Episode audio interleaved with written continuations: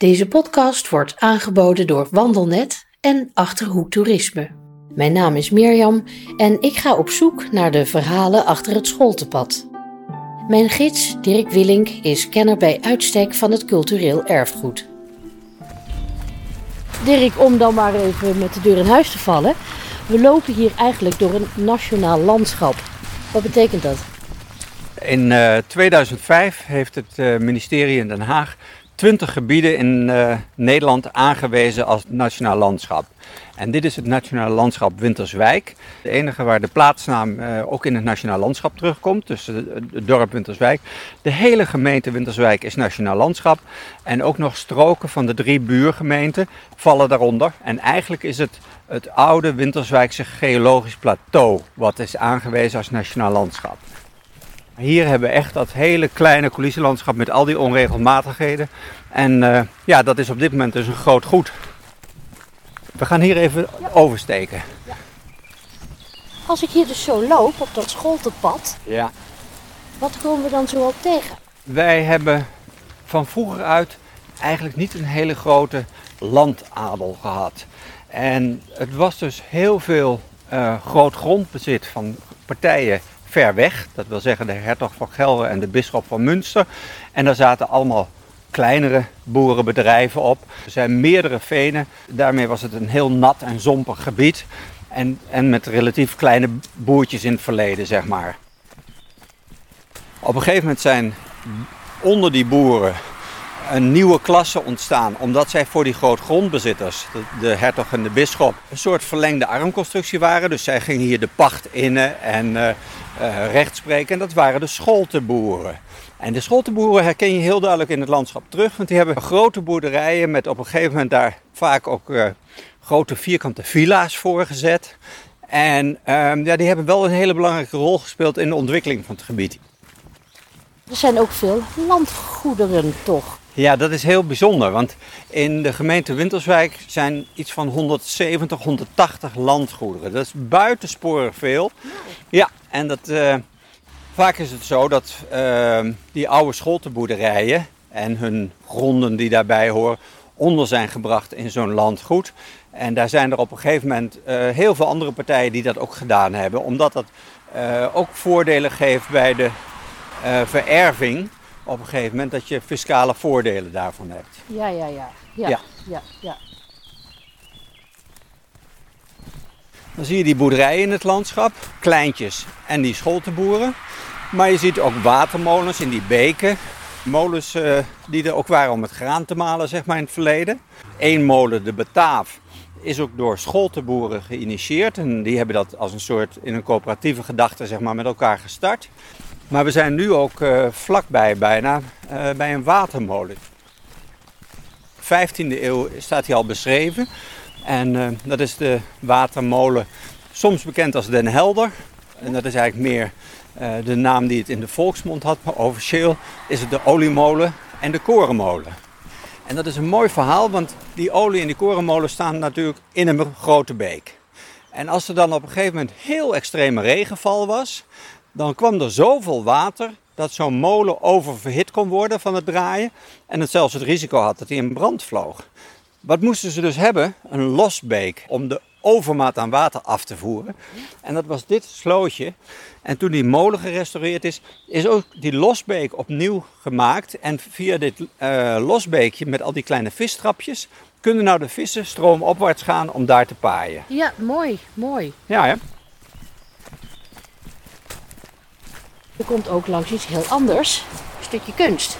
Denk aan uh, Piet Mondriaan. Piet Mondriaan heeft van zijn achtste tot zijn twintigste in Winterswijk gewoond. En in die fase zijn er dus uh, heel veel schilderijen van de omgeving van Winterswijk gemaakt. En daar hebben ze nu een route meegemaakt dat je in het landschap bordjes ziet staan. En dan zie je daaronder een afbeelding die mogelijk op die plek zou kunnen zijn geweest. Ja, ja. een beetje ja. matchen. Ja, ja, matchen van het landschap met de schilderijen van Mondriaan. Ja.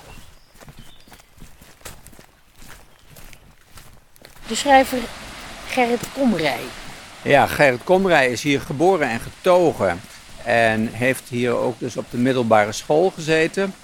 Ja, hij is toen ook na zijn middelbare school weggegaan uit Winterswijk. Als je eerlijk bent, kon je hem niet heel vaak betrappen op heel veel positiviteit over het dorp. Dus hij vond het wel een beetje een achtergebleven gebied.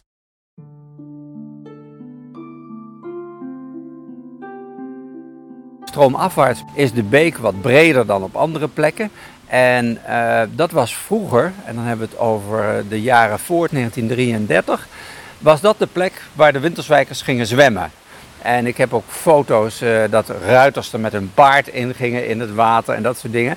En toen we uh, in 1933 het strandbad kregen, dat was een werkgelegenheidsproject toen in de crisis.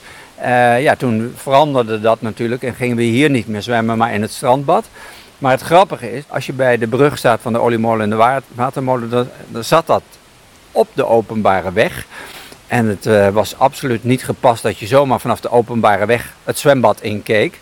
Dus daar werd op het moment dat er uh, gezwommen werd een heel groot doek tussen gespannen, zodat je niet al dat indiscrete gedoe bij het zwembad zou kunnen zien. De preutsheid uit die tijd. Ja, absoluut. Ja, neem aan dat het geen naaktzwemmers waren. Nee, dat ook helemaal niet. Dat is echt zeker niet, nee. nee. Ja. Wat mij toch wel opvalt als ik naar die uh, oliemolen kijk, het heeft een beetje een vakwerk-uitstraling. Uh, ja, die, dat komt door die zware gebinten die je ziet. En dat was natuurlijk ook uh, hetzelfde met die, met die Saksische bebouwing die we hier ook in het landschap hebben. Uh, dit is echt al heel oud. Hè? Dit is, uh, wat ik al zei, in de 15e eeuw al beschreven. Het hoorde toen bij, het, bij de havenzaten Plekepol. Een havenzaten was een versterkte boerderij. Ehm, daar was de laatste adellijke eigenaar Jonkheer Adriaan van der Eerder van. Maar die hadden steeds meer geldproblemen en in uh, 1718 was hij de laatste die dat nog eh, als adellijke eigenaar in bezit had en daarna in de andere wereld terechtgekomen. Wat heeft nou eigenlijk Winterswijk doen ontstaan? Winterswijk is eigenlijk ontstaan gewoon als een hele eenvoudige nederzetting aan de Wemerbeek waar ook de huidige Jacobskerk staat. Dat is midden in het dorp. Het is dus duizend jaar geleden als een zeg maar, eenvoudige boerennederzetting in een vrij uh, onaantrekkelijke omgeving ontstaan. Door die, al die venen, door al die nattigheid. Uh, het ritselde hier ook van de, van de rovers in het gebied. Dus men wilde hier niet graag naartoe. Zullen we iets die kant op lopen? Ja, de, text, ja, de textielindustrie. De textiel is een, is een uitgebreid verhaal. Um, ehm, 400 jaar geleden heb je doopsgezinden in Duitsland wonen. Die waren blijkbaar in die tijd wat opruiend. En uh, daar had de bisschop van Münster op een gegeven moment gewoon helemaal genoeg van. En die heeft een aantal doopsgezinden opgepakt en aan kooien in de kerk van Münster opgehangen en zichtbaar voor de bevolking laten verhongeren. Dat betekende dat de doopsgezinden zeiden: jongens, het is hier levensgevaarlijk, we moeten weg. En die textielhandelaren, die, die doopsgezinden, gingen langs de boeren en kochten dat op en verhandelden dat met Hanzesteden en later ook met Amsterdam. Toen kwam er rond 1850 een Engelsman in deze streek, meneer Ainsworth, en die begon machines te verkopen, weefgetouwen, wat natuurlijk helemaal nieuw was. En toen pakten die doopsgezinden dat op en gingen daarmee fabrieken starten. Vanaf 1850 zo'n beetje ontstonden er in dit dorp dus meerdere textielfabrieken. En daarmee opeens ook voor de lokale bevolking een kans om een andere werkgever te hebben dan de scholteboer. Ja. En introduceerde ook wel een beetje het aanzienverlies van de scholteboeren. Maar het werd ook natuurlijk een hele belangrijke economische drager onder de lokale gemeenschap. Nou. Nou, en die textielfabrieken hebben echt enorm gefloreerd. Uh, die hadden een behoefte voor hun uh, machines om kolen hier te krijgen. En dat leidde ertoe dat Jan Willink, een van die textielbaronnen, allemaal spoorwegen hier heeft aangelegd. En dat was echt dus een kolossaal emplacement wat we hier hadden. En Winterswijk was echt het verbindingspunt naar het oosten. En ook dat bracht weer extra werkgelegenheid mee. De textiel, uh, zoals iedereen wel weet, is in de 60 jaren echt serieus in de problemen gekomen. Omdat ze denk ik, te lang hadden vastgehouden aan hun eigen vertrouwde concept. En de wereld aan het veranderen was. En daarnaast de lage lonenlanden echt veel goedkoper konden produceren dan, uh, dan hier. Maar dus feitelijk het beeld wat je in beginsel schetste van een, uh, eigenlijk een arm gebied. Hè? Ja. Met uh, hier en daar een, een, een boertje En dan Ja. die ontwikkeling met die, eh, met, die, met die scholtenboeren. En dan krijg je in één keer die industrialisatie. Ja, En dan verandert zo'n hele omgeving. totaal. Ja. Oh, dat moet toch echt shock en al zijn geweest? Ja, nou als je, als je weet dat rond 1900 was Winterswijk net zo groot als Enschede toen was. En beide hebben natuurlijk een ja, behoorlijke ontwikkeling gekend. En in Enschede was dat bijvoorbeeld ook nog omdat de Universiteit Twente daarbij ontstond. Er is bijvoorbeeld eh, vraag geweest toen de Landbouwuniversiteit werd opgericht. Zetten we die in Winterswijk of zetten we die in Wageningen neer? Nou, dat is uiteindelijk Wageningen geworden. Wij hadden hier natuurlijk ook een totaal andere situatie gehad als het Winterswijk was geworden. Ja, Maar daardoor is het eigenlijk hier minder hard ontwikkeld. En dat is nu hetgene wat in ons voordeel werkt. Want nu is het, het eh, juist zo aantrekkelijk, omdat we hier niet al die grote veranderingen hebben gehad, of minder. Ja. precies. Ja. Ja. Ja. We lopen nog een klein stukje door. En Als we, dan moeten we even die kant op, langs de weg onaantrekkelijk, maar Ja, daarna wordt een beter pad. ja, ja, Ja? ja. Dan moeten we even dus naar rechts. Ja.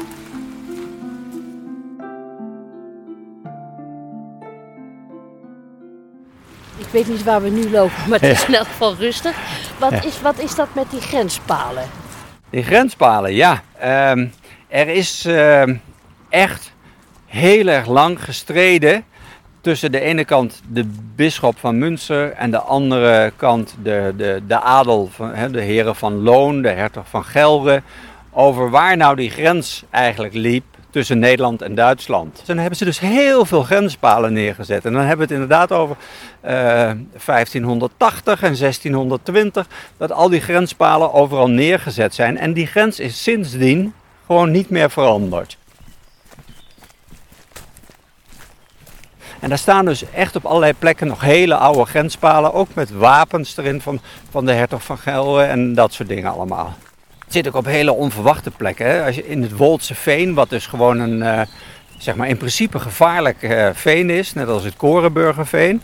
En dan kom je opeens midden in dat veen zo'n hele grote grenspaal tegen. Die staat daar. Want er moest wel natuurlijk eh, twee lijnen of twee punten met elkaar verbonden worden. En dat ging soms dwars door het veen heen. Ja, Er gebeurden daar ook nog eh, spannende dingen, zeg maar. Nou, een beetje Hollander die eh, gaat natuurlijk eh, zijn eigen route kiezen. En dat is hier natuurlijk heel lang gebeurd. Hè? Dat er van alles gesmokkeld werd. Of het nou vee was, of koffie, of wat voor zaken. Dat was echt veel voorkomen. Dus er was veel van dat soort verkeer over en weer. Maar aan de andere kant was het ook wel zo dat die gezinnen die aan beide kanten van de grens woonden... heel vaak toch verbonden waren met elkaar. En dat is natuurlijk ook wel een beetje de reden dat er bijvoorbeeld in de oorlogsjaren hier meer NSB'ers dan in andere plekken voorkwamen. En het was helemaal niet zo dat hier de meerderheid zo was. Maar die gezinnen en die familiestructuren waren soms wel met elkaar aan beide zijden van de grens verbonden. Ja, ja, ja.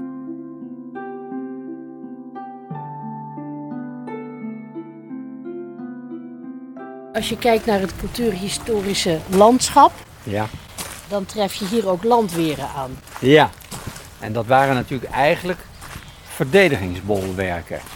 Dat als er dan vanuit meestal Duitsland gevaar zou dreigen, dan had je daar een soort verdedigingslinie liggen waar eh, men zou kunnen proberen om de bedreiging te laten keren. En dat, dat hebben we dus beide grenzen in de buurt op een aantal plekken eh, nu nog herkenbaar als zeg maar een heuvel en een, en een verdiepte goot eromheen. Hebben die landweren ook nog een rol gespeeld in dat grenspalenverhaal? Ehm, ja, ik denk vooral eh, rond die tijd dat men zoveel discussie had over waar die grenspalen nou precies moesten komen, probeerde men natuurlijk gebieden te veroveren ten opzichte van elkaar. Dus dat, daar werden steeds maar weer eh, gepoogd om, om, om de grens naar jouw plaats, naar jouw kant op ruimer te maken, of van jouw kant uit, hoe je het wil noemen. En pas toen die ehm, overeenkomst er was over waar de grens van Nederland eh, eh, moest komen, zijn die palen gemaakt. Dan heb je natuurlijk eh, met 1572 dat men dan zegt dat is de start van Nederland. Ietsje later wordt de akte van verlating ondertekend, waarmee we ons afzetten tegen de Spanjaarden. En dat is eigenlijk de start van de historie van Nederland. Ja. Trek erop uit en ontdek het Scholtenpad. Beluister ook andere podcasts waarin ik optrek met een geograaf en met biologen.